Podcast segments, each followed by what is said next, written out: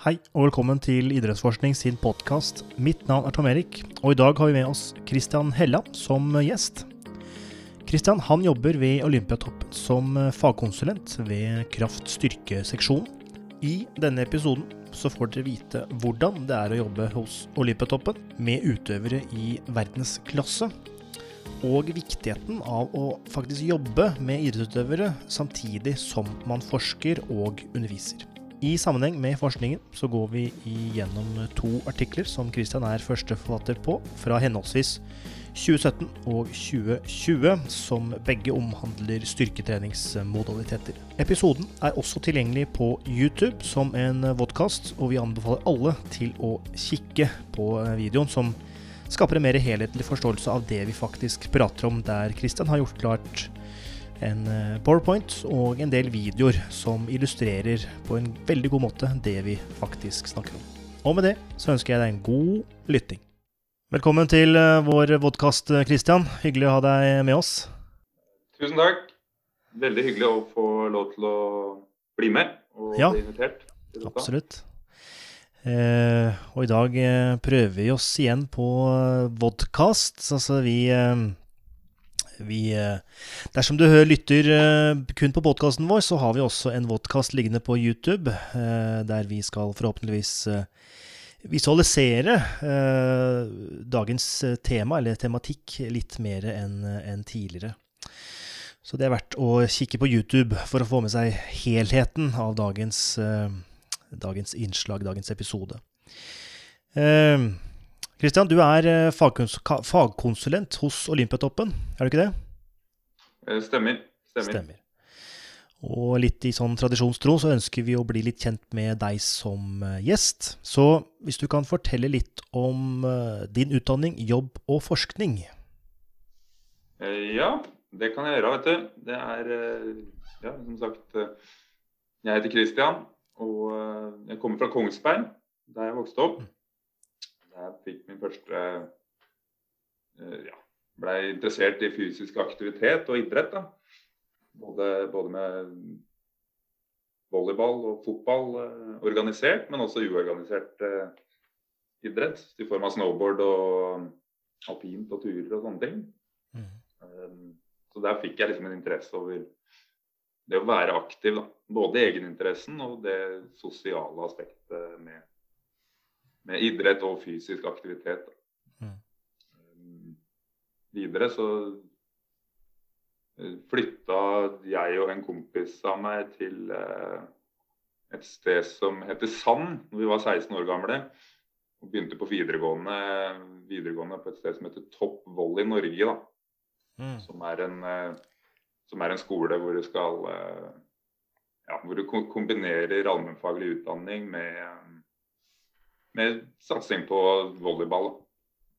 Så det var liksom der jeg virkelig fikk smaken på, på volleyball og toppidrett. Og ja, troen på at dette her er faktisk eh, Det går an å bli skikkelig god, og det går an å det går an å jobbe, jobbe med idrett i framtida, da. Um, mm. Mm. Og, Ja, for du er ganske god i volleyball. Eh, ja, det er jo Jeg blir i hvert fall stadig bedre, syns jeg sjøl. Ja, for du har jo, du har jo eh, vært aktiv og er aktiv eh, og spilt i eh, World Tour, eller verdensserien, jeg vet ikke hva det kalles på norsk. Ja, det er, det er verdensserien man gjerne kaller det da. Ja, Mm. ja, riktig, riktig. Ja, nei, så jeg har spilt, eh, spilt, spilt mye sandvolleyball spesielt da, siste, siste seks-syv åra. Mm, mm, Før det eh, mye volleyball. mm. Eh, Så ja, jeg, syns det er veldig, veldig artig og gøy å bli bedre. Og eh, ja, føler meg utrolig privilegert som fortsatt har muligheten til å eh, ja, være med å konkurrere da, med de, med de aller, aller beste.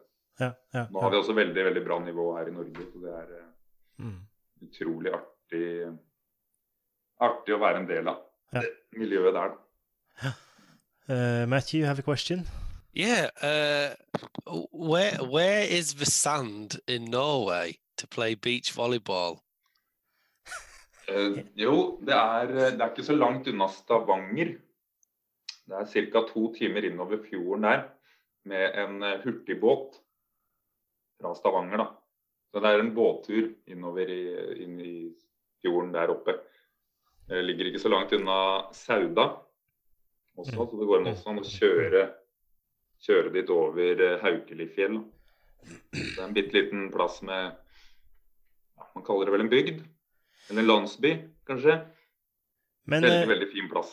Uh, beachvolley er jo en veldig Kanskje ikke veldig, men en litt eksotisk sport. Som kanskje utøves mer i Brasil og varmere strøk enn Norge. Norge du, kommer, du drar ikke til Norge for å ligge på stranda, tror jeg. Eh, Så hvorfor er vi så gode i beachvolley? Det er et veldig godt spørsmål, altså. Hvorfor, eh, hvorfor akkurat det skjedde her i Norge. Men det er vel eh, Ja, vi hadde jo noen ordentlig flinke utøvere på, på, på 90-tallet der, da, med både Jan Kvalheim, Bjørn Maaseide, Mm. eh, Vegard Høydalen og Gjøre Kjemperud som kom opp og gjorde det veldig skarpt. Og var blant de aller, aller beste i verden. Mm. Eh, og da har det på en måte, tror jeg, da, gitt ringvirkninger videre. Og så er det vel kanskje noe med at eh, når vi fryser og det er mørkt her oppe i nord, så er det fint å drømme litt om eh, strender og sol og Ja, ikke sant. Ja, ikke sant. Ja, men det er uh, Vi skal komme litt tilbake til uh, din utøverbakgrunn og hvordan det har potensielt uh, å påvirke din jobb. Men før vi kommer så langt, så kan vi ta din utdanning. For du har jo også en mastergrad. Ja, stemmer. Stemmer. Det var så rett etter jeg var ferdig da på toppvoll i Norge der, så ville jeg liksom fortsette med idrett. Fortsette å satse volleyball, så jeg flytta da til, til Oslo for å, for å spille i Eliteserien der med Oslo Volley. Mm. Og begynte på idrettshøyskolen der. Hvor jeg tok en, en bachelorgrad i eh, idrettsbiologi. Og eh, gikk videre på eh, masterløpet der i idrettsfysiologi, da. Og ja. Jeg ble, ble hekta rett og slett på både forskninga og toppidretten og ja. Følte det var et veldig givende miljø med mange eh, likesinna. Og flere også utøvere som ønska å bli bedre. Og mm, ikke minst veldig god, eh, god fagkunnskap da, på, blant både lærere og professorer og Mm. ansatte på, Mm. på idrettshøyskolen. da. Ja, ja, ja. Eh, Men gikk du, gikk du rett fra masterstudier inn i fagkonsulentjobben hos Olympiatoppen, eller har du vært eh, flere andre steder? Eh, nei, jeg har vært flere, flere andre steder, altså. Det var, det var Når jeg var ferdig med masteren, så, så gikk jeg inn i en sånn vitenskapelig assistentstilling på idrettshøyskolen. Og fortsatte å jobbe litt der og skrev ja, skrev min eh, første artikkel der på, basert på masteroppgaven. Og, og eh, jeg var på en måte veldig inn i den der forskerdytten da, og triv, trivdes godt med det. Samtidig som jeg følte jeg hadde på en måte hadde gått rett fra videregående, rett inn på bachelor, rett inn på master. Mm. Og underveis der så var jeg hele tida litt i tvil hva er det jeg egentlig skal bruke dette her til sånn på sikt. da. Mm. Hvor eh, så, så når jeg var ferdig da med, med masteren, så jeg, jeg var jeg så heldig at jeg hadde fått en jobb i resepsjonen på Olympiatoppen. Mm. I treningssenteret. Så jeg jobba der kveldstid et par ganger i uka. Mm. I tillegg så hadde jeg Dette var en deltid, da. Jeg, var vel stort sett mandager jeg jobba der på kvelden. Mm. Sammen med, sammen med Magnus Midthun egentlig alle, alle mandager i flere år. Eh, på, på kveldstid, samtidig som jeg hadde da masse forskjellige småjobber da, Mm. på den tida der. Um, jeg husker det var også snakk om å søke Jeg søkte et par ph.d.-stillinger. Mm. Uh, fikk til og med tilslag på en stilling i Australia. Oi. Eh, men da var det litt sånn Jeg var veldig i tvil. da, hvor, hvor er det du vil hen? Og jeg følte at den derre Det miljøet på Olympiatoppen og det å bruke, bruke, det jeg hadde lært i praksis, det var noe jeg hadde mer lyst til. Mm. Mm. Samtidig som jeg ville fortsette å satse sandvolleyball. Mm. Og da ble jeg, ble jeg, i Oslo og hadde, jeg hadde vel på et uh, tidspunkt der seks forskjellige strøjobber. Da. Alt fra holdt basisøkter på Vang eh, toppidrett til at jeg var uh, drev med videoanalyse i Norges Volleyballforbund i forkant av Rio. Til, uh, ja, til jeg drev som selvstendig næringsdrivende osv.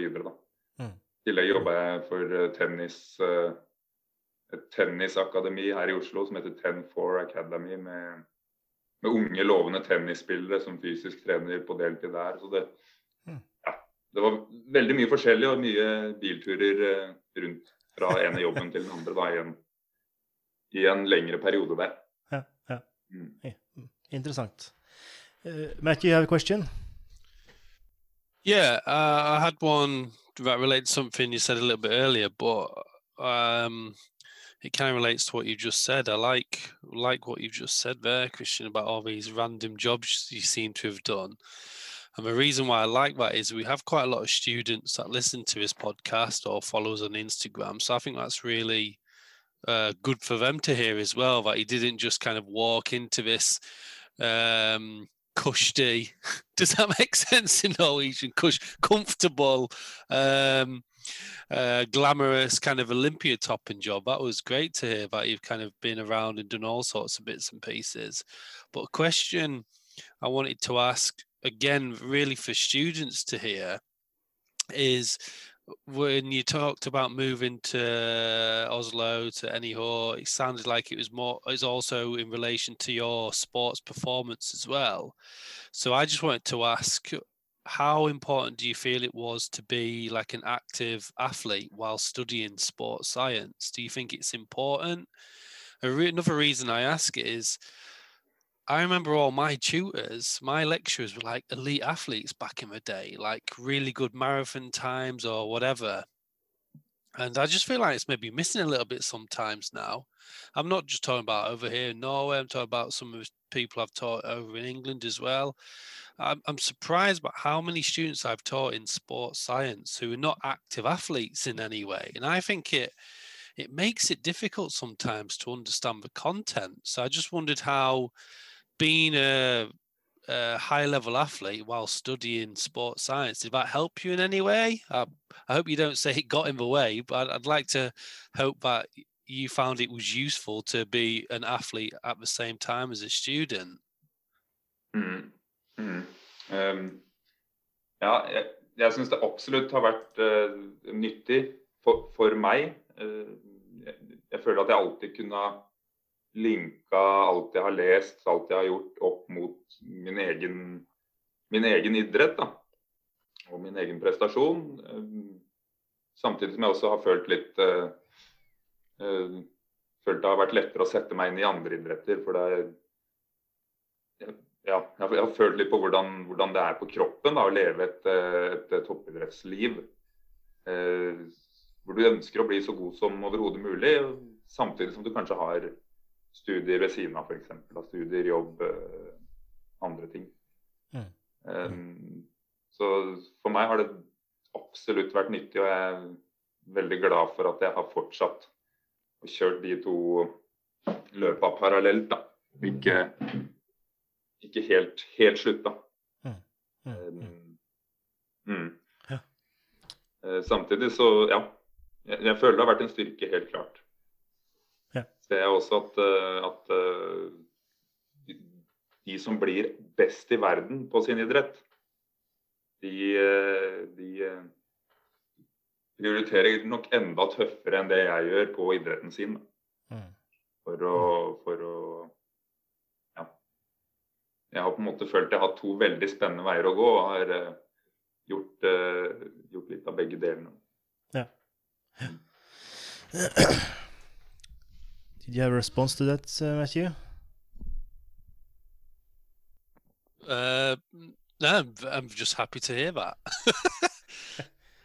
Nice. That's about, no, no, sorry, sorry, carry on, Christian. Så Samtidig så føler jeg at det å ha noe å gjøre, ha noe å drive med på fritida, også har gjort at det har vært lettere å nullstille hodet og sette seg ned igjen og jobbe. og ja, Jeg har likt den måten å jobbe på. da, Fra legge opp dagen med et par økter om dagen med, hvor du er fysisk aktiv, og så gå inn og jobbe, jobbe med fagstoff som jeg syns er innmari artig. Mm. Mm. Det, ja. Du bunner nok veldig mye ut i at jeg er glad i faget. da. Jeg har eh, passion for både idretten og, og faget. Liker det veldig godt. Eh, og det er viktig i, di- i din jobb uh, hos Olympiatoppen, antar jeg. Uh, for du er som sagt fagkonsulent, der du stort sett jobber med utviklingsidretter. Og kan du egentlig fortelle litt om dine arbeidsoppgaver hos Olympiatoppen, og hva du driver med der? Mm, det kan jeg gjerne. Nei, vi har jo, vi har jo eh, Mottoet til Olympiatoppen er på en måte å trene og lede best i verden. Da. Og min, eh, min, eh, en av mine hovedoppgaver går på trening og fysisk trening.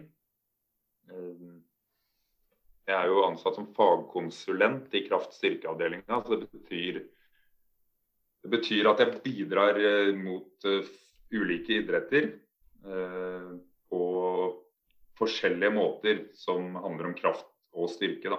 Det er jo alt fra eh, dialog med enkeltutøvere eller lag én gang for å spare litt på ideer og mulige framgangsmåter for, for eh, trening, Mm. til å til å lage fulle treningsprogrammer og, og være med på, på økter. Komme med forslag til ukeplaner og periodeplaner for å, for å utvikle eh, ja, fø- først og fremst kraft og styrke. Da. Mm, mm. Inkludert spenst, hurtighet. Mm. Eh, så det er på en måte Det er, det er, det er jobben min. Da. Samtidig så det, flere som har spurt meg er du er du fysiske treneren til, til de. Er du fysiske treneren til eh, badmintonspillerne, til sandvolleyballspillerne? Mm. Og da er det sånn både ja og nei. Jeg er jo ikke 100 ansatt fysisk trener hos disse laga, noe jeg føler veldig mange av de laga jeg jobber med, trenger. Men jeg forsøker da med min med min eh, 80% stilling å bidra så mye jeg har mulighet til, og på det jeg mener er det viktigste inn mot de ulike idrettene. Ja. Og de spesifikke idrettene jeg følger nå, er, er eh, para bordtennis, Mm. som går på sommer, sommer da, og badminton. I tillegg så følger jeg opp eh, ro, roerne, rolandslaget, og standvolleyballandslaget. Det er de jeg har primærtrykket på nå. I tillegg så jobber jeg litt med noe para, para kjelkehockey, annet. Ja. Riktig, riktig. Og um, da popper det opp et uh, navn når du nevner uh, sandvolleyball. Uh, fordi Norge har gjort det ganske bra uh, i den idretten, i hvert fall de siste åra og, og, og tidligere. Um, Anders Mol, er det ikke Ja, hva heter partneren hans? Kristian Sørum. Christian Sørum, ja. Stemmer. Er, er det de du jobber med i sandvolleyballsammenheng? eh, ja, blant annet. Blant annet. Ja, spennende. Det er de to. Og så er det Henrik Mohl da, og Mathias Berntsen. Mm. Og en fra Oslo som heter Svein Solhaug, da, som er eh, de er tre jobber tettest med nå. Mm, mm, mm, mm. Og, eh, ja, mm. I tillegg til trenerne der, selvfølgelig. Riktig, riktig. Mm. Ja, veldig interessant. Eh, Are these are these are these like your rivals in the sport as well? If you're still active, I've just been thinking about this about these random these unusual scenarios you might have. Like is there ever a time when you're working for Olympiatop and training athletes who look at you and go, that's my competition and he's better than me and he's coaching me? Or are you ever thinking, oh, uh, I might be, I could be playing against these at some point. Maybe I'll just tell them to hand clean 200k and try and see what happens. ja, ja, nei, det er helt klart en uh, problemstilling. Det at jeg har på meg to, to mm. og tre forskjellige hatter i perioder der. Men jeg, men jeg, jeg føler jeg klarer å skille de veldig bra, og vi er, eh, vi er veldig gode, gode venner. og det er, det er, på en måte ikke noe tvil om at uh, min hoved, hovedoppgave er å tilrettelegge og gjøre, gjøre den fysiske treninga for Anders og Kristian og Henrik og Mathias og Svein så bra som overhodet mulig. Mm. Og uh, ja, det, det hender jo hender jo at jeg møter disse i kamp. men da er, jo, da er, det jo, som sandvolleyballspiller, og da gjør jeg alt jeg kan for å, for å slå dem i kampen. Altså. Ja. Men det er ikke så lett. Nei, de, de, de, de, er gode, de. Eh, og det har jeg fått et godt inntrykk av. Um, I was just going to say on yeah. top of that, like we had who did we we talked to Mar- Marcel de Cruz, mm. uh, kind of along the same lines about this. Like when you've been a um, professional, semi-professional athlete at any high level, is it is it advantageous in these kind of jobs? And he kind of talked about the positive side about understanding the uh, mindset of an athlete and kind of understanding what they're going through, and maybe makes the job a bit easier sometimes because you can relate to them. But I, don't think he was working with anyone who was working in the same sports as him. So I suppose it's pretty. Un- I don't think I've ever come across someone in your position, Christian, who's an active athlete working with athletes in the same sport who are ultimately competition. That must be, like you said, I suppose it's very tricky. It can be very good, but I imagine it could very easily go a bit wrong. So I suppose, uh, how often do you have to think about this on a daily basis? Like how easily it could affect the relationship? I, I would hate to do me personally. I, I don't think I could do that. Work so closely with um with a sport, and I'd want to kind of work in different sports. So uh, does it does it ever kind of get tricky or unusual for you? Um, veldig veldig sjelden, vil jeg si. Det er eh, særlig nå som, nå som, de beste spillerne vi har i Norge er på et såpass, eh, såpass mye høyere nivå enn det jeg er på. Da, um, da møtes vi ikke så ofte i kamper, og hvis vi møtes, så er det veldig vennskapelige, vennskapelige kamper, og typisk i Norge under veldig sånn uh, kameratslige forhold. Ja. Eh, absolutt. Absolutt. Mm. Mm. Og selv, selv, når jeg i tidligere år da, har reist ut og spilt uh, worldtour i samme type turnering som noen av de spillerne jeg jobber med, så har det også egentlig uh, Sånn jeg ser det, da, vært en positiv greie. Men vi har jo aldri møtt hverandre i uh, kamp, da, men det å det, det, det, å reise, spille worldtour eh, som sandvolleyballspiller i Norge er ofte en veldig, veldig ensom, ensom greie. Det er reise rundt med din, eh, din makker, og veldig ofte uten trener og støtteapparat. Det er bare dere to, og, mm. og da er det egentlig bare en, eh, bare en, styrke å kunne ha, ha noen kjente å reise, reise, på tur sammen med, og som kan bidra til å skape en, en, eh, positiv eh, stemning. Da, og har flere, flere personer å, å, å, spille på. Mm, mm, mm. Og vi, vi, føler på en måte at vi er som et, et, et felles lag, da, selv om vi er flere, flere samholdsballag. Ja. Eh, og øh, du jobber, med, jobber jo med disse atletene nå i disse ulike idrettene. og hvordan har din eh, situasjon endret seg eh, med tanke på korona og den jobben du eh, ja, skal gjøre med disse atletene? Mm. Nei, den har jo Den har jo endra seg på flere, på flere måter. Særlig nå, nå, på mandag så ble det jo helt Mm. stengt igjen i Oslo. Mm.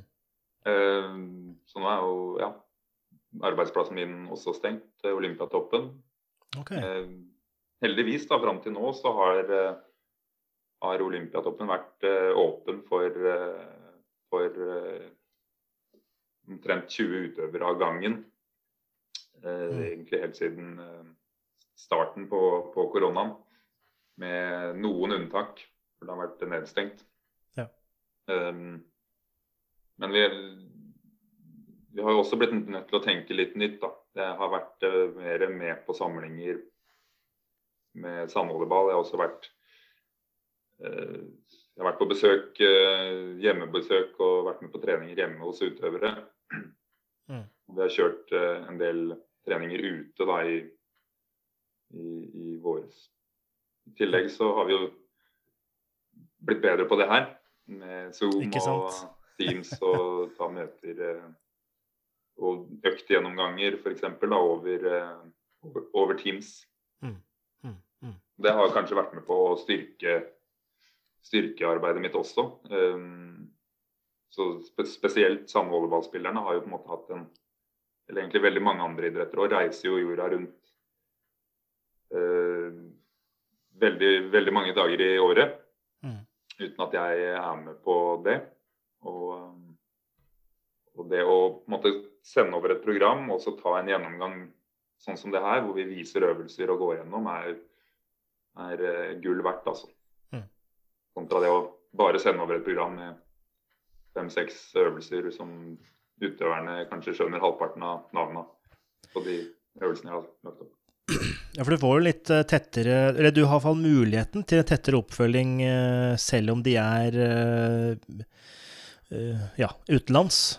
Um, og det, det, muligheten har jo sikkert vært der eh, lenge, men det er bare nå vi har måttet eh, benytte oss av denne muligheten. Mm. Så jeg tipper jo det gir en litt mer fleksibilitet, og kanskje kan konkretisere ting i, i større grad. Så det Ja. Så det er jo noe positivt vi kan dra ut av denne, denne, denne ellers negative krisen.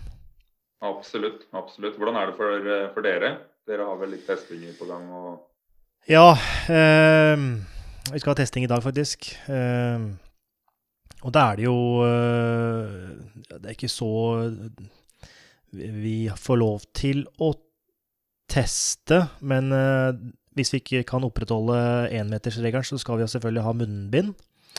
Og det skal vi ha, oss, ha på oss uansett. Eh, så for oss så er det jo mest, mest denne undervisningssituasjonen, eh, der vi har hjemmekontor og hjemmeundervisning. Så så er det det som er, er den største påvirkning for oss. Eh, og så blir jo noe testing utsatt, eh, spesielt da treningsintervensjoner. Mer akutt testing der vi kan ha litt mindre gruppe og sånne ting, det ja, kan gå fint. Eh, så det er jo utfordrende, men eh, ikke en umulig oppgave. Altså, vi finner løsninger, og vi får eh, gjort, gjort jobben vår på en ja, kanskje tilfredsstillende måte. Eh, men fysisk undervisning vil jeg påstå er bedre enn digital. Det, det er helt klart med den, Ja. relasjonen du får med studenten og Ja. Så det, den, den, den dimensjonen mister du. Men eh, det er noe, noe vi må gi i denne pandemien, tenker jeg. Og det, det er da i det store sammenheng så tenker jeg det er greit. Ja, jeg er helt enig. Den, det personlige møtet går litt, eh, litt bort, altså. Det, Ja. det gjør det. På, på styrke, styrketreningssentre og styrkerom og alt er stengt i Sogndal òg, ikke sant?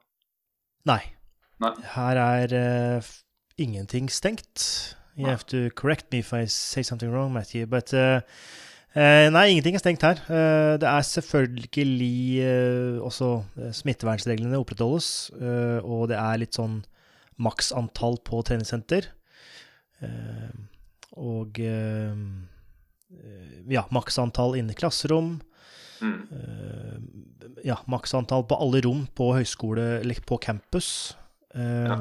Ellers så er alt åpent, men vi anbefales jo de som kan ha hjemmekontor, skal ha hjemmekontor. De som kan eh, studere hjemme eller unngå å være på campus, skal jo selvfølgelig unngå å være på campus. Ja.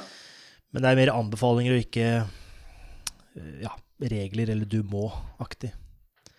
Ja. Nei, Det er godt å høre at det er i hvert fall åpent. og Det er vel bra for studentene å kunne både få trene og Det, øve seg i praksis. ja, viktig den sosiale biten. Og så har vi jo noen emnekurs som er praktiske, som vi også får lov til å gjennomføre praktisk. Eh, Mm. Men med selvfølgelig eh, modifikasjoner med tanke på smittevernreglene. Så det er jo Det tenker jeg er gull verdt for studentene og det sosiale livet. Mm, mm. Mm. Bra. I was just going to ask before we, we, got into a specific uh, research paper how important you think it is, Christian, to be an active researcher at the same time as being a practitioner. Eh, jeg, tror ikke det i seg sjøl er veldig, veldig viktig å være aktiv på begge, begge felt. Eh, det er vel ikke så mange som er det, så vidt jeg kjenner. Jeg kjenner veldig mange som er veldig gode fagpersoner, og mange som er veldig gode på, på forskningsfeltet. Men jeg tror det er viktig å ha å, å tenke litt på begge deler. Da. Det, det tror jeg kan være lurt. Og øh, ikke Ja. Er du praktiker og jobber mye med utøvere, så det er lurt å øh, stadig lese litt og holde seg oppdatert på hva som finnes der av nytt.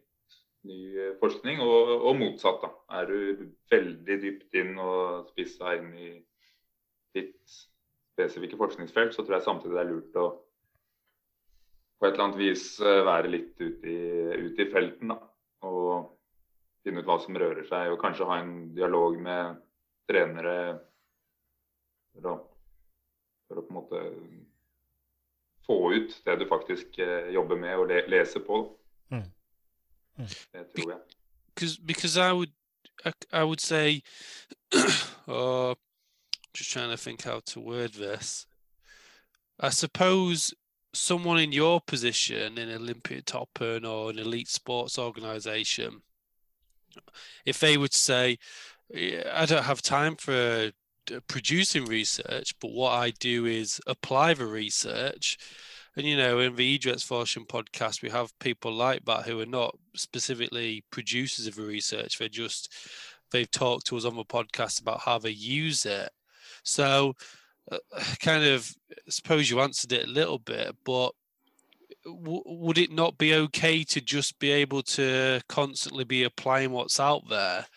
I suppose my main question is how important is it that you actually develop your own research rather than just interpret what's already existing in the literature? Does that make sense? Eh, eh, ja. eh, It's a bit like just to give you another example. I suppose it's a bit like, yeah, like some of us as teachers. Really, we could easily just like present powerpoints and kind of present the current topics in the research.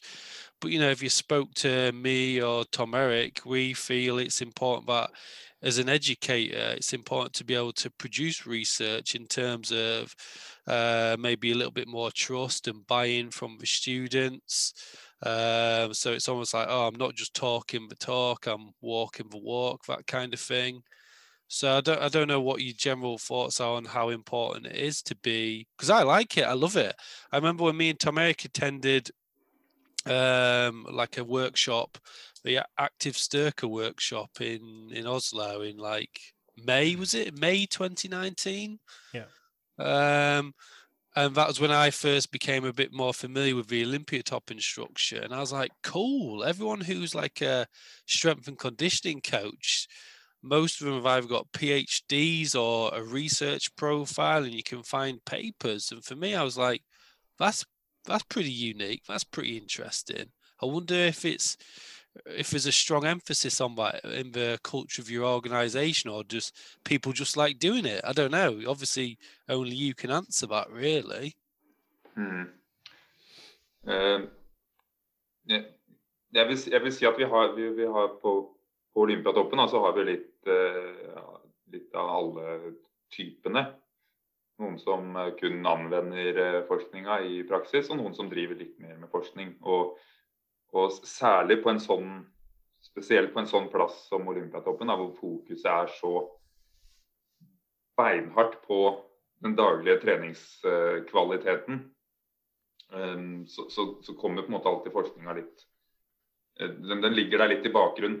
Den går litt sakte, sakte, i perioder hvor det er mye trykk på idrett og, og ja, hvor, det, hvor, det, på en måte er fokus. da. Men det er en mm. veldig fin eh, Det er fint å ha litt eh, ha, ha et samspill der, syns jeg. Altså.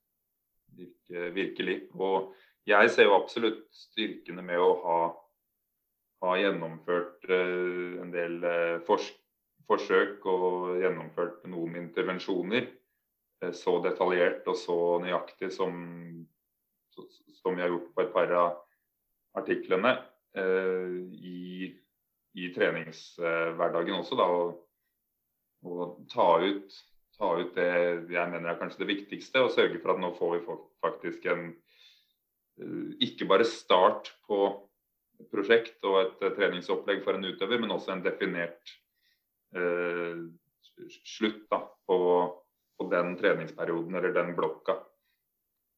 Så det, så det, blir på en måte hakket mer, mer eh, systematisert. da. Det er i hvert fall en tilnærming jeg, jeg liker, eh, liker godt. So I think I think if I understood right, would you say that for re- and obviously we're going to get into specific examples, But is the research that you do or have done or are currently doing?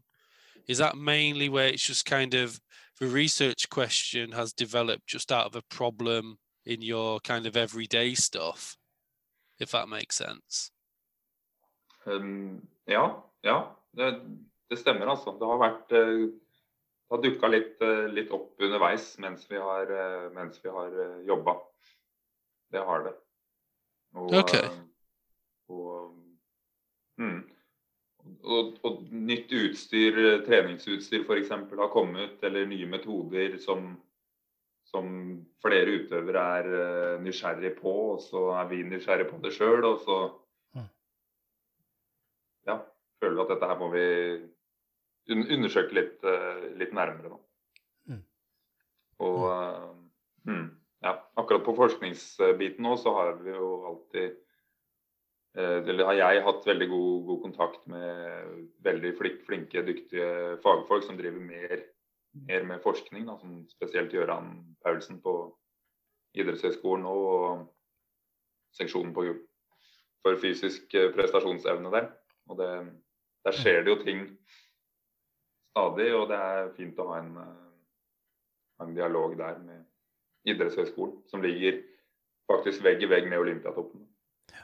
Selv om det er jo ja, eh, Den daglige treninga skjer jo her og nå. Og, og det, det, vi etter hvert skal undersøke, det, det, er på en måte Hvis vi begynner, se, begynner et prosjekt i dag, så er det kanskje først fire år til vi får på en måte et ja. Eh, klart svar på, på det forsøket. Mm, mm, mm. Mens uh, utøverne vi jobber med, vil, skal ha det beste svaret jeg kan gi i dag. Ja, absolutt. absolutt. One more, one more, sorry, just because I'm loving this uh, uh, line of discussion. Um, going back to that time when uh, I was talking about that workshop we attended. I don't know about you, Tomek. I'm sure you've been several times, but it was the first time I'd visited any horse slash Olympia Toppen. And I was like, wow, Jesus, they're literally like next door or even connected buildings. And so my question, my final question, this whole kind of broader research thing is how important is it that physically you're very close to a, university or a Högskola institution? Is that really important from a like literally being physically next door? Does that really help with collaboration on research? Mm, Ja, jeg, jeg, tror det. Jeg tror det. Det er, eh, det er i hvert fall hvis du allerede har, har oppretta en kontakt, da. Så, så, er det jo mye enklere å kunne dra innom. Um, for min del, jeg jobber jo litt på idrettshøyskolen også som volleyball, eh, som assistent på volleyballkurset der, da. Så da er jeg jo gjerne litt innom. Hm. Eh, I tillegg til at jeg gjennomfører sånn Bexa-scans av utøvere nede i kjelleren på idrettshøyskolen. Og da, da er man jo Ja, da er det lett å stikke innom eh, noen. Samtidig så er det jo det er jo mer enn 100 meter avstand. da. Jeg vet ikke, Det er vel, eh, det er vel forskning på det der med sosiale settinger og hvor, hvor nærme man må være personer for å liksom tilfeldig Ja, riktig. dunke inntil hverandre i løpet av, i løpet av en dag. da. Dette er ja, ikke helt mitt felt, men det med kulturer og hvordan gode kulturer oppstår. Mm. Mm. Mm. Det har jeg skjønt at i hvert fall det å jobbe nærme folk er, eh, betyr mye, da, og mer enn man tror. Ja. Det er noen prosesser der som skjer automatisk. Og det tror jeg helt klart er en, er en fordel. Deling av skjerm, hvis du har denne artikkelen oppe, Christian. Jeg har gjort noe klart. Jeg har jo sett at dere, dere har lagd eh, veldig mye sånn kule infographics. Ja, riktig, riktig. Jeg, Jeg må bare Det er Matt Matthew som er kunstneren. Er det det, ja? ja det Ja. er stilig, altså. Ja. Jeg syns eh, Det må jeg, må virkelig si. I'm just the artist that creates Tom Eric's visions. Sorry, I just really wanted to say that. All right. Ah, Ser dere skjermen der, eller? Jepp. Og så går det an å gjøre han svær òg. Ja, stemmer. Perfekt. Her må jeg jo eh, med en gang eh, gi kre- kreditt til idrettsforskning for eh, fantastisk stilig infographics. Det, er tøft. Ja. eh, og Matthew kan si mer om prosessen og lage dette her, men det gjøres gjennom PowerPoint, så det er en omstendelig prosess med geometriske figurer som skal bli til armer og bein og torso og det som er, så det er eh, Ja, jeg vet ikke hvor lang tid det tar, men det tar sikkert et par timer, et par dager, jeg vet ikke, Matthew. It, it, it depends. Basically, now we're at a stage where the kind of characters have made, so you just transfer them. Like this ginger guy uh, on the right hand side, he's been around him. He's a volleyball player, a CrossFitter. I don't know what else he's done, but he's he's been around. He's he's been around a while.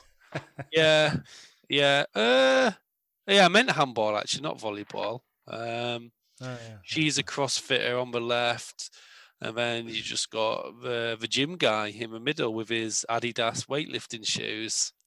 So they these kind of people start to feature now and again. I've, I'm thinking in future infographics, I'm just going to make a guy with a ginger beard and a guy with a black beard. It's just me and Tom Eric everywhere. Det er cool. jeg liker det. Ja. Det er veldig, veldig bra greie dere har, har, har i gang her. altså Både med disse infographicsene, men også podkasten deres. eh, Hvor dere jobber med å få, få, få forskning fram. Eh, Idrettsforskning eh, ut. Ikke bare Mm, at det blir en, en tung, lang eh, engelsk eh, fagartikkel ute på en lukka lukka side som du kun får se lest sammendraget, men faktisk får ut, får ut litt. Så det, skal dere, ja, det skal dere ha. altså. Veldig kult. Ja. Og det er jo på en måte vår tankegang også, at eh, det skal være Det skal være enkelt, men skal ikke, vi skal ikke miste essensen av det. Og det, der er det en balansegang som er vanskelig. Å på en måte få med det viktigste og fortsatt eh, gjøre det enkelt. Og det er ikke alltid like lett med alle, eh, alle eh, artikler som ligger ute. For mange har mye informasjon og svære, litt kompliserte tabeller, og da er det litt sånn OK, hvordan skal vi billedliggjøre dette her? Så det kan være utfordrende til tider. Mm. For me, it's just um, I I have pretty much stolen the philosophy from you know Jan Lemur, pretty much the Godfather guy. Like, if I understand right, he I've heard him say somewhere that the papers that he does infographics off, they've always got to have a practical application, and we've kind of uh, carried that through as well. Like, Um, you know, there might be some infographics, not the most hardcore papers, but it's about kind of real clear practical applications or of or a very clear methodology like this one method sorry not methodology where you're comparing three uh, methods. So uh, oh, where we're trying to just make what's already reasonably clear even clearer if that makes sense like we're never going to do an infographic on like a, a narrative review on the, the role of a specific gene in sprint performance that's just mm. you need to read that stuff but mm. the point of the infographics is just to signpost in a clear way to the paper and like we always stress, not as like a disclaimer, but it's not an alternative. We would never encourage anyone to just use an infographic to get their information about a specific study.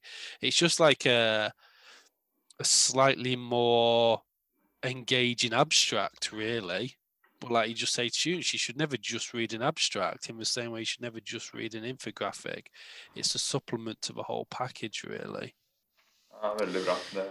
Uh, Så denne studien fra 2015, hva kan du ta oss igjennom uh, hva du gjorde og hvorfor? Og ja, kanskje litt om henne, hva var din motivasjon bak det? For det er jo en ganske uh, nokså intrikat uh, design. Du har tre grupper, og du har tre ganske ulike styrketreningsformer. så ja, gjerne fortell oss litt om studien.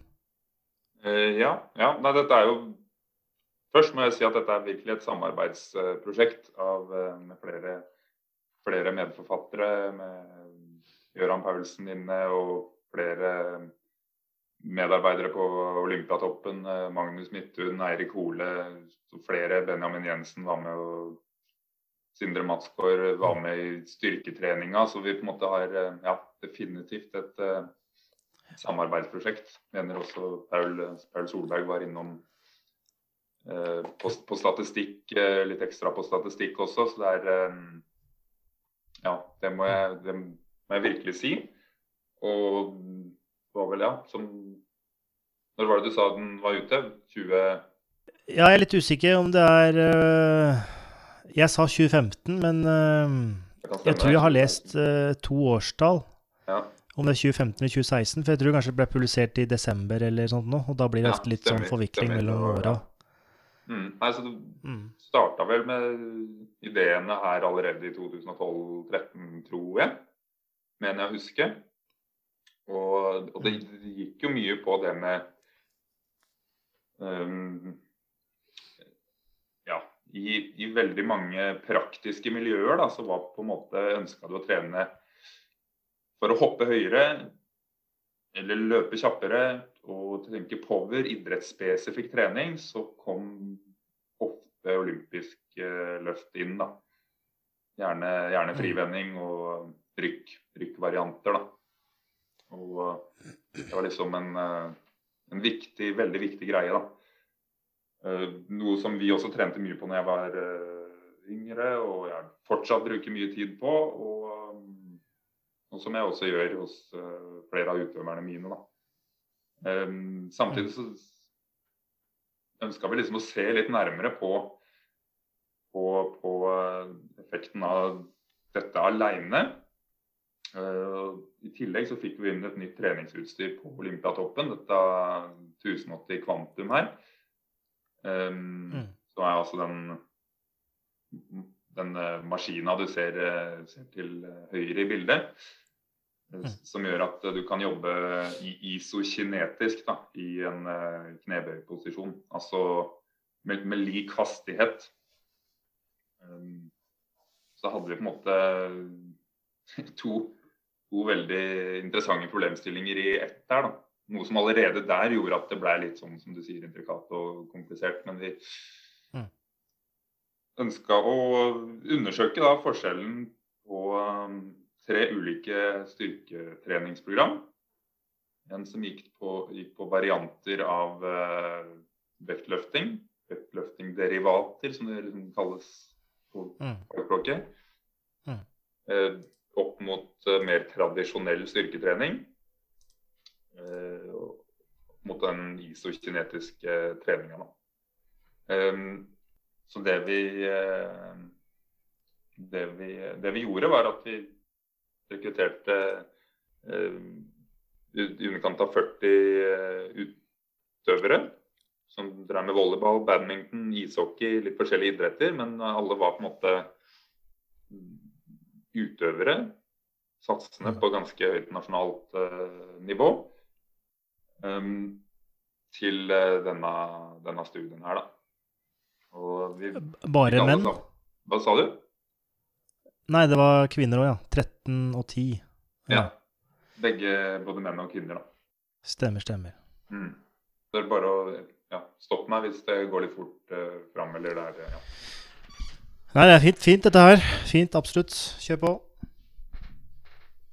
Nei, så vi, vi fikk alle sammen inn til en tilvenningstest. Og, og deretter hvor, hvor, de fikk testa testøvelsene. Og deretter eh, kursing i eh, olympiske løft. Så alle fikk tilbud om to to, eh, to økter der. Og alle skulle være innom minimum én, mener jeg å huske. Og eh, deretter kjørte vi alle sammen gjennom pretester, da. Som, eh, som innebar spenst på kraftplattform, 30 meter sprint, knebøy i smittemaskin. Mm. Og DEXA og muskeltjukkelse med ultralyd på framside lår. Og så randomiserte vi dem inn i tre forskjellige treningsgrupper. Da.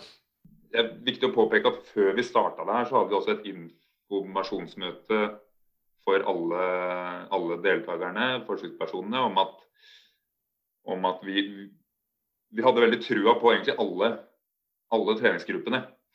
Um, vi, vi, vi, vi, la opp uh, vektløftingsprogrammet uh, på en måte hvor vi visste at vi hadde innslag av, av uh, frivending med knebøy, som var ganske tung. Hvor du liksom ble satt i en ganske dyp knebøyposisjon også. Så du fikk en tung, tung variant. Og vending fra heng. kickstøt fra nakke, som går litt mer på, på, på fart. Fart og mer hastighet, da. Eh, samme gjorde vi med tradisjonell styrketrening. Vi hadde knebøy tung og knebøyhopp. I tillegg til ettbeins eh, knebøyvarianter. Og tilsvarende på den isokinetiske styrken. Da. Hadde knebøy og knebøyhopp. Um, så, så, alle ble informert om det her. Så vi ja, så trena vi sju, eh, sånn ca. sju uker og gjorde testene på nytt.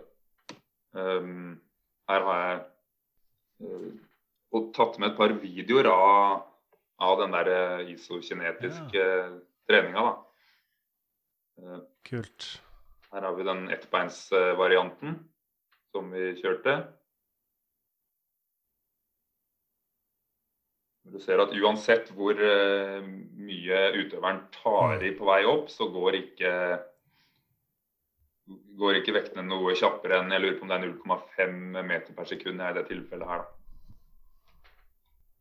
Eh, og tilsvarende på, på knebøy her, da. Mm. Um, de, mm. De, litt mer eksplosive, kjappe, kjappe hoppa i, i, denne treningsgruppa fikk vi også lagt inn litt Eh, litt eh, eksentrisk overload i bremsfasen. Eh, som gjorde at vi på en måte fikk mer trening for, for penga, på en måte. Da. At vi fikk løfta mer vekter på kortere tid. Mm. Det er også noe, noe dere har fått med dere i, i infographicsen her. At en, en typisk økt i isokinetisk gruppa tok 25 minutter. Mens i knebøy, eh, eller klassisk styrkegruppa, tok 35. Og eh, vektløftinggruppa tok 45 minutter. Sånn, ja. Minus eh, oppvarming, da. Mm. Ja. Var dere overrasket over uh, resultatene når dere fikk uh, sett uh, eller samlet inn all data og fikk analysert det og den slags? Mm. Ja. vi, vi, var jo egentlig Vi var jo egentlig overraska, kanskje Vi hadde nok sett for oss at den vektløftinggruppa kanskje hadde økt, økt mer, da, særlig på spenst spenst og, og, sprint. Vi følte jo at veldig mange i treninga også fikk eh, virkelig pusha, pusha, nivået og økt, eh, økt uh, treningsbelastninga veldig. da, Altså hvor mye kilo vekter de trente med. Um, så det var litt, litt uh, overraskende, det. Um, mm. Samtidig så hadde vi jo på en måte trua på alle tre programmene, så vi forventa ikke noen sånn store, klare forskjeller. Ehm, det gjorde vi ikke. Ehm, vi ser jo at, eh, at, det var en liten tendens til bedring på sprinten for vektløftergruppa. Ehm, tenkte vi kanskje at ok, kanskje vektløfting går, går mye på hofteleddet, da, hvor du får litt mer eh, sete bakside lår sammenligna med sammenligna med knebøy og isokinetisk gruppa, eller styrkegruppa. Som, som er kanskje mer relevant uh, løpe, løpemuskulatur. Da. I tillegg så, så vi også tendenser på vekt, vektløftergruppa. At, uh, at de økte den fettfrie massen kanskje mest i overkroppen. Ja, det var vel stor økning i Var det biceps? Mm. Eh, Eller er det en annen studie som Gøran Paulsen ofte drar fram? Ja, ja, eh, jeg vil nyansere det litt mer og si at det først og fremst var overkroppen. Ikke okay. så enkelt å på en måte si at Men, men armer, ja. Armer var, eh, ja. var den muskeløkningen, da. Og det, det, gir jo absolutt mening når du skal holde, holde vektene med armene hele veien. Og mm, mm, mm og kanskje ja, veldig mange av forsøkspersonene eh, Olympisk vektløfting er jo en teknisk eh, krevende øvelse. Og eh, vi tror da at, eh, at, det absolutt har en stor effekt på og kan være gunstig i forskjellige idretter, men at det kanskje krever enda litt mer tid på, på, på innlæring bl.a. For å virkelig få maksimal power i i beina ned i underlaget.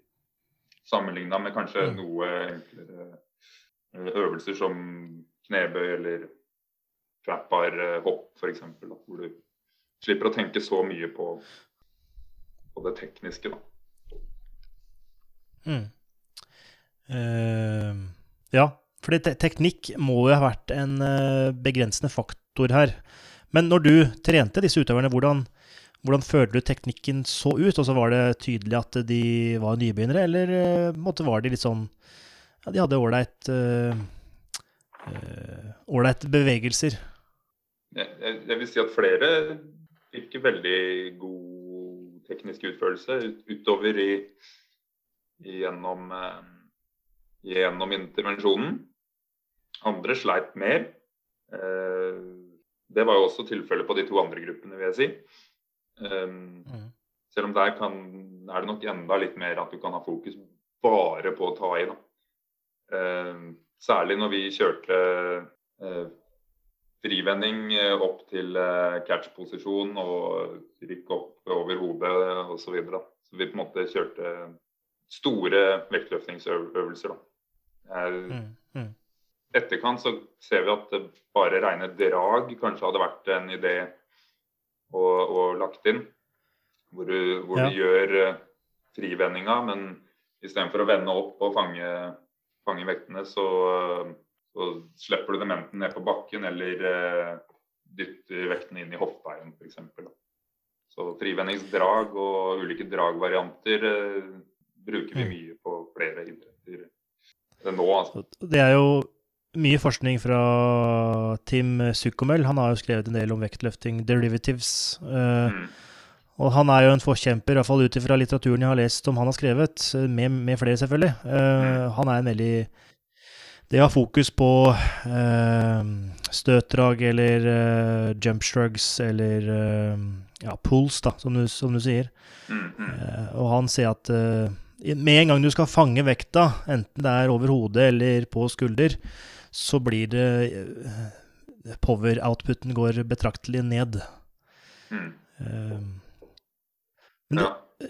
i programmet deres på vektløftingssiden så trente Det var jo re- rent sånn relativt så var det ganske tungt. Altså 3 RM, 4 RM, 5 RM. Alt var RM.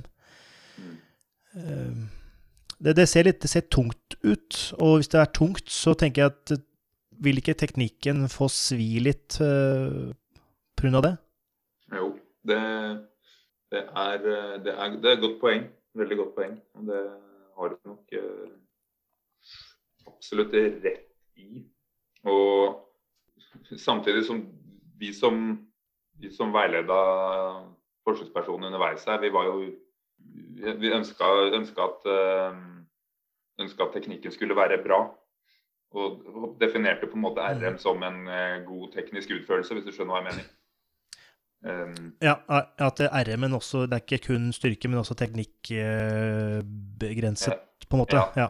Ja, at vi, vi, vi var nøye på at vi ville ha, ha alle, alle gjennom uh, hele treningsperioden uten at det enten gikk utover uh, rygg eller knær. Og, så, så, så teknikken skulle være, skulle være god, altså. Men igjen, da, Mm, mm, mm, mm. det er jo mye du ikke ser med det blotte øyet heller. Da. Så kan det hende at flere eh, la på 10-15 kilo for, eh, for mye, kanskje. Og, og valgte å f.eks. vende opp litt før de hadde fått full strekk i hofte-kne f.eks. Og dermed fikk eh, mer eh, effekt på overkropp enn på strekkeapparatet i, i beina. Kanskje. Mm, mm. mm. det er eh, Hva tenker du om eh, Skal vi se Styrken til utøveren var uh, I knebøy så var det rundt 112 kilo. Ja, rett, riktig. Og så hadde de gjennomsnittsvekt på 78, som gir en 1,4 uh, relativ muskelstyrke. Og så har dere eh, tenkt noe på at uh, var det den absolutte og eller relative styrken god nok til å drive med eh, vektløftingsøvelser? Må man være sterk for å drive med vektløftingsøvelser? Eller er det, som vi har nevnt tidligere, er det teknikken som måtte ha begrenset mest? Ja, det er et godt spørsmål. Vi, personlig mener jeg at uh, gjerne bør ha et uh, visst grunnlag. Og, og at det i hvert fall går an å jobbe mest med, med andre typer øvelser en periode først. Og maksimere det. Samtidig så er jo kan, kan jo veldig mange av disse vektløpningsøvelsene være, være gode i form av overføring til idrett og mer eh, venstretta da, for idretter som på en måte ikke krever like mye maksimal eh, styrke, kanskje. Um, Mm, mm. Så, så litt både òg der, eh, der, vil jeg si. Hvis, eh, og dette blir Ja, Matthew, jeg vil question.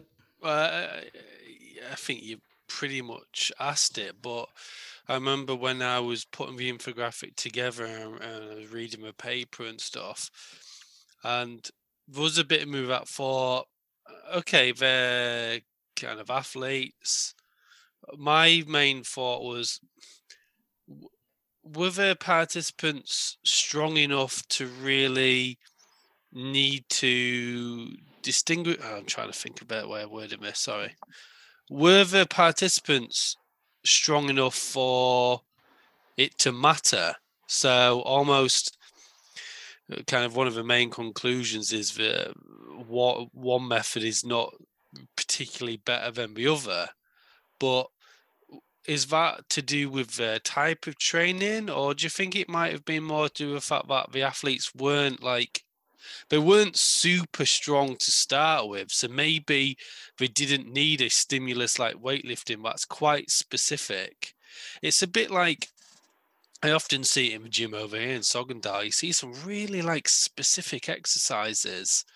Some people doing like uh, cross country skiers I've seen in the gym, and I don't know. I'm a bit.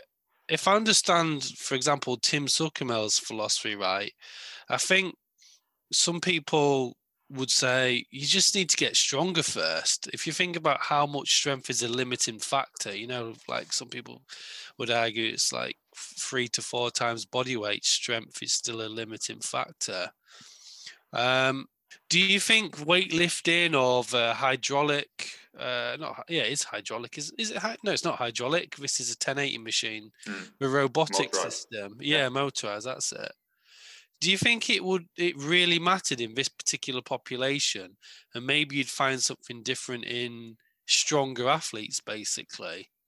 Mm, mm. Um, absolutt. Det kan, det kan eh, godt hende, altså, hvis vi hadde ja, en gruppe her med bare to relativ styrke på to, eh, to at eh, bildet hadde sett annerledes ut. Eh, Helt klart. Um, Hva, tenk, hva, hva tror du? Well, my I just remember reading the one RM of the squat, and I thought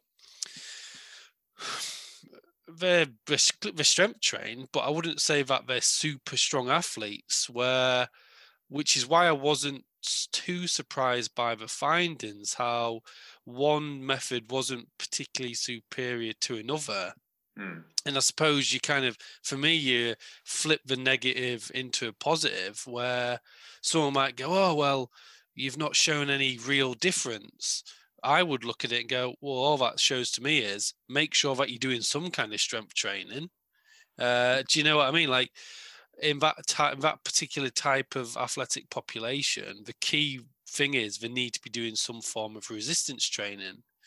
Like I said, my main thought would be I'd be interested to see this study repeated in a stronger a stronger population.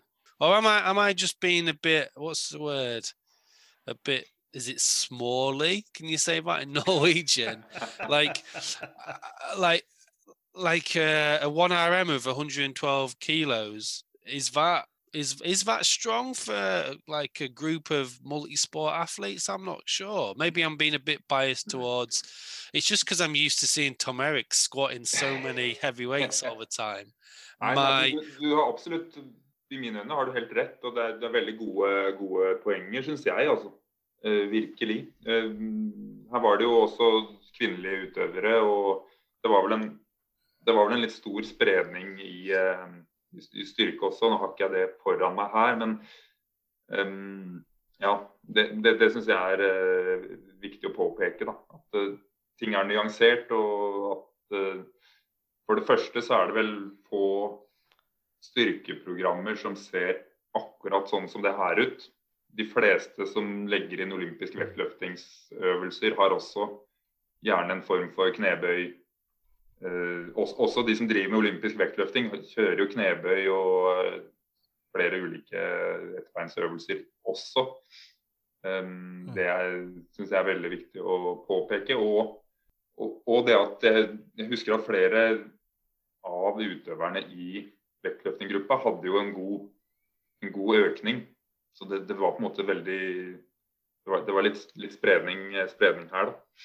Så, så kanskje hoved... eh, Men så du noe differensiering på at eh, de som hadde størst økning i vektløftingsgruppa, var faktisk de som var sterkest? Eller husk, Det var et vanskelig spørsmål, men husker du noe som kategoriserte de som hadde størst økning?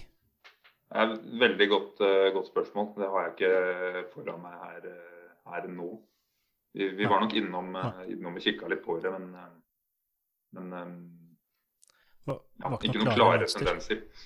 Rent sånn hypotetisk spørsmål. hvis, dette had, hvis denne her intervensjonen hadde foregått over tolv måneder og La oss si vi hadde testa pre tre måneder, seks måneder, ni måneder, og så post ved tolv måneder. Hadde vi fått det samme bildet? Mest sannsynlig ikke.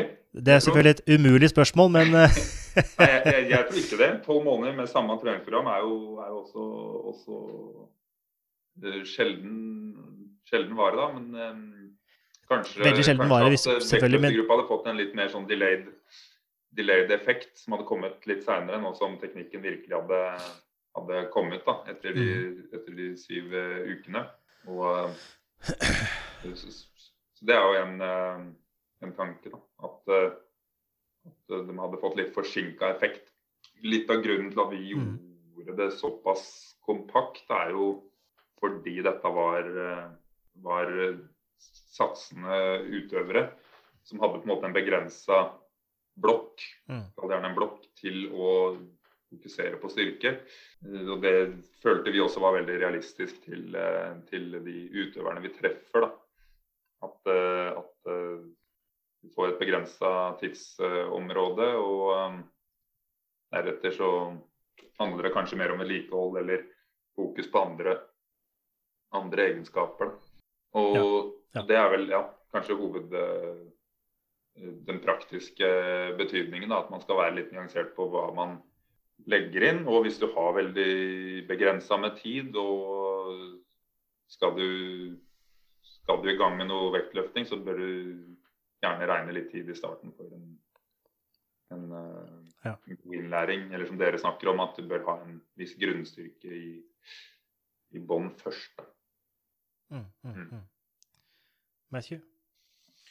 I just kind of wanted to say, especially what you just said at the end about the the practical applications. Uh, I mean, I don't, I didn't want, I don't want you to think I think this paper's got lots of limitations. Um, of course, I think I'm probably a little bit biased towards weightlifting because I'm a big fan of that literature. But what I will say is, it's I really enjoy this paper. I really enjoyed reading it. I enjoy making an infographic. I enjoy using it in teaching. I like the fact that it's been written by a a strength coach. I like the fact it's used athletes. Um, I like the fact it's actually sport science, right? And this this has got to piss people off. I think what I'm going to say next, but one of my issues is one of my issues with a lot of research is when it's these strength training interventions where it's just recre- what do you call rec- motionists recreational sh- recreational participants basically motivated students who have an okay relationship with the tutors. Um, that for me is not sports science. It's almost like a separate category. And i particularly like stuff like this when you've got your hands on athletes and i don't think people appreciate how difficult that can be to get a good sample of people who are doing other things in terms of we've struggled in um for example, me and Tom Eric have been doing some velocity based training stuff in the deadlift with some students, and we really struggled to recruit anyone who's like a, a strong, anyone who is an actual competitive powerlifter.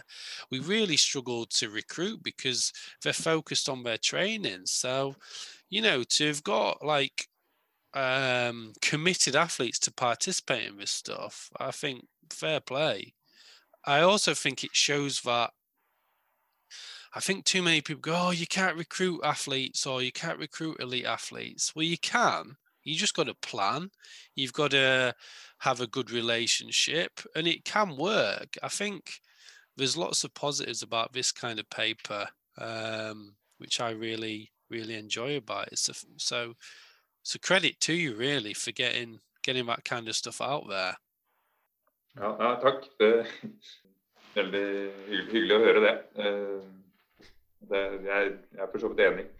Det er eh, når du først Men samtidig, når du først uh, jobber med utøvere, da, så er- er det viktig å ha den uh, tankegangen i bakhodet at dette her er uh, personer som ikke skal først og fremst bli gode i knebøy eller, Mm. eller rykk. Det er ikke primærhensikten deres. Det er utøvere som har veldig passion for idretten sin og ønsker å bli så gode som mulig og har et begrensa tidsrom til å bli det. Så, så, så ja, viktigheten at vi som fagpersoner eh, også var på og var med på økter og gjorde ting i trygge rammer, var uh, veldig viktig, syns jeg. Og er veldig viktig. Um, også også, også fram, framover. Det er uh, um, mm, der, der kan vi som forskere, inkludert meg sjøl, sikkert bli enda bedre også på å faktisk ta vare på hele utøveren i forsk forskningsprosjekter. Fikk du noe tilbakemelding eh, eh, underveis eller etterpå at eh, Å, shit, nå føler jeg at jeg kan prestere bedre på håndballbanen, eller i, på ishockey på isen, eller altså fikk noen sånne mer subjektiv vurdering om hvor godt programmet fungerte for hver enkelt utøver? Um, jeg, fikk, jeg, jeg, fikk, en del tilbakemeldinger på spenst. Og, ja. og ja, personer som har sagt at jeg har aldri følt meg så bra trent som den perioden her. Eh, ah. Spenstmessig og styrkemessig, og da var, da var jeg på en måte oppe i vers både i knebøy og og hoppende rekkevidde, da, som er den uh, mm. typiske for, for volley, volleyball. Mm. Mm. mm. mm. I hvert fall de, de, jeg har hatt mest kontakt med. Det, det, er veldig, veldig artig når det er mm. sånne, sånne type erfaringer. Også, og det er jo nesten viktigere hva Det er nesten viktigere det enn hva du får av postresultater. Uh, I hvert fall i forhold til Absolutt. utøveren, da. Og potensielt å rekruttere de igjen i, annet, uh, i en annen sammenheng, f.eks. Mm, absolutt, absolutt. Og så fikk jeg også tilbakemelding om at jeg ah, kunne ønske jeg var i vektløftergruppa. Jeg kunne ønske jeg kunne lært meg litt mer uh, frivending og rykk. Og Ikke sant. andre følte at de heller burde vært i Fordi de, de så jo på de ulike, ulike øktene og syntes det så artig ut. Mm, ja. um, og så må jeg si at uh, det var vel i hvert fall et ja, det var en av forsøkspersonene som sleit med håndleddet mm. noe innmari i etterkant. da. Eh, noe som går, går, dypt inn, inn, på meg, for det er jo ja, ja. Du, Det hjelper ikke å bli hoppe fem centimeter høyere hvis håndleddet ditt eh, ikke klarer å kaste en ball eller smashe eller holde, holde racketen i, i badminton. Da. Det det blir litt kjedelig, ja. Det er helt sant. Så det er, det er iallfall noe kanskje nybegynnere i vektløfting sliter litt med. Altså håndleddsbevegelighet øh, sammen med ja, latismus for å få øh, ja. Humerus opp, eller albuen opp. Ja. Uh, men det altså, Bare for å uh, ikke oppsummere, men å også på, påføre mer av den praktiske applikasjonen, er at hvis du har dårlig tid, så kan du kjøre denne Quantum 1080-saken. Hvis du har lyst til å lære deg vektløfting og har passion for det, så funker det også. Så det gir jo en fleksibilitet i det å øke fysiske parametere. Og vi ser at styrketrening i ulike former, det funker. Og så kan man heller velge litt og, og shoppe litt fra de ulike programmene og, og ja, ta det man liker best. og Eh, prøve noe nytt noe hvis man ønsker det, osv. Absolutt. Fint. Absolutt. Og vi er fan av ulike varianter av vektløfting eh, på, på Olympiatoppen. altså bruker det. Så jeg, jeg, må innrømme at den overskriften på selve artikkelen kan være litt, uh, litt kritisk. Og Ja, men det er ofte en det er ofte, Jeg liker jo litt sånne overskrifter som på en måte Eh, litt mer spenstig enn disse mer tradisjonelle, veldig trygge. Ja, så jeg, ja, jeg syns jo Jeg likte overskriften, for så vidt. Ja, ja, det er bra, bra å høre. Og den har jo skapt diskusjoner, da. Den har jo, Jeg ser jo det i forskjellige forum, så har den mm. skapt litt diskusjon. Og ja, jeg liker oppsummeringa di der, Tom Erik. Uh, og dere har jo hatt inne Var det Vidar Vidar Andersen på variabel trening, som går litt på det med ja. Kanskje er den mest praktiske måten å gjøre noe i nærheten av det isokinetiske. da, Vi trener med, med kjetting eller med strikkbelastning, ja. som gjør at du får det tyngre i høyere banen, høyere deler av et løft, f.eks. Mm, mm, mm, mm. Som jeg har litt uh, trua på, virkelig. Ja, det, det har også, også vi, uh, i hvert fall som et uh, variasjonsverktøy og spesifikasjonsverktøy, i hvert fall for styrkeløftere som trener med utstyr med tanke på drakt, løftedrakt. For å få med deg del to av vår prat med Christian Hella, så er det bare å trykke på neste episode.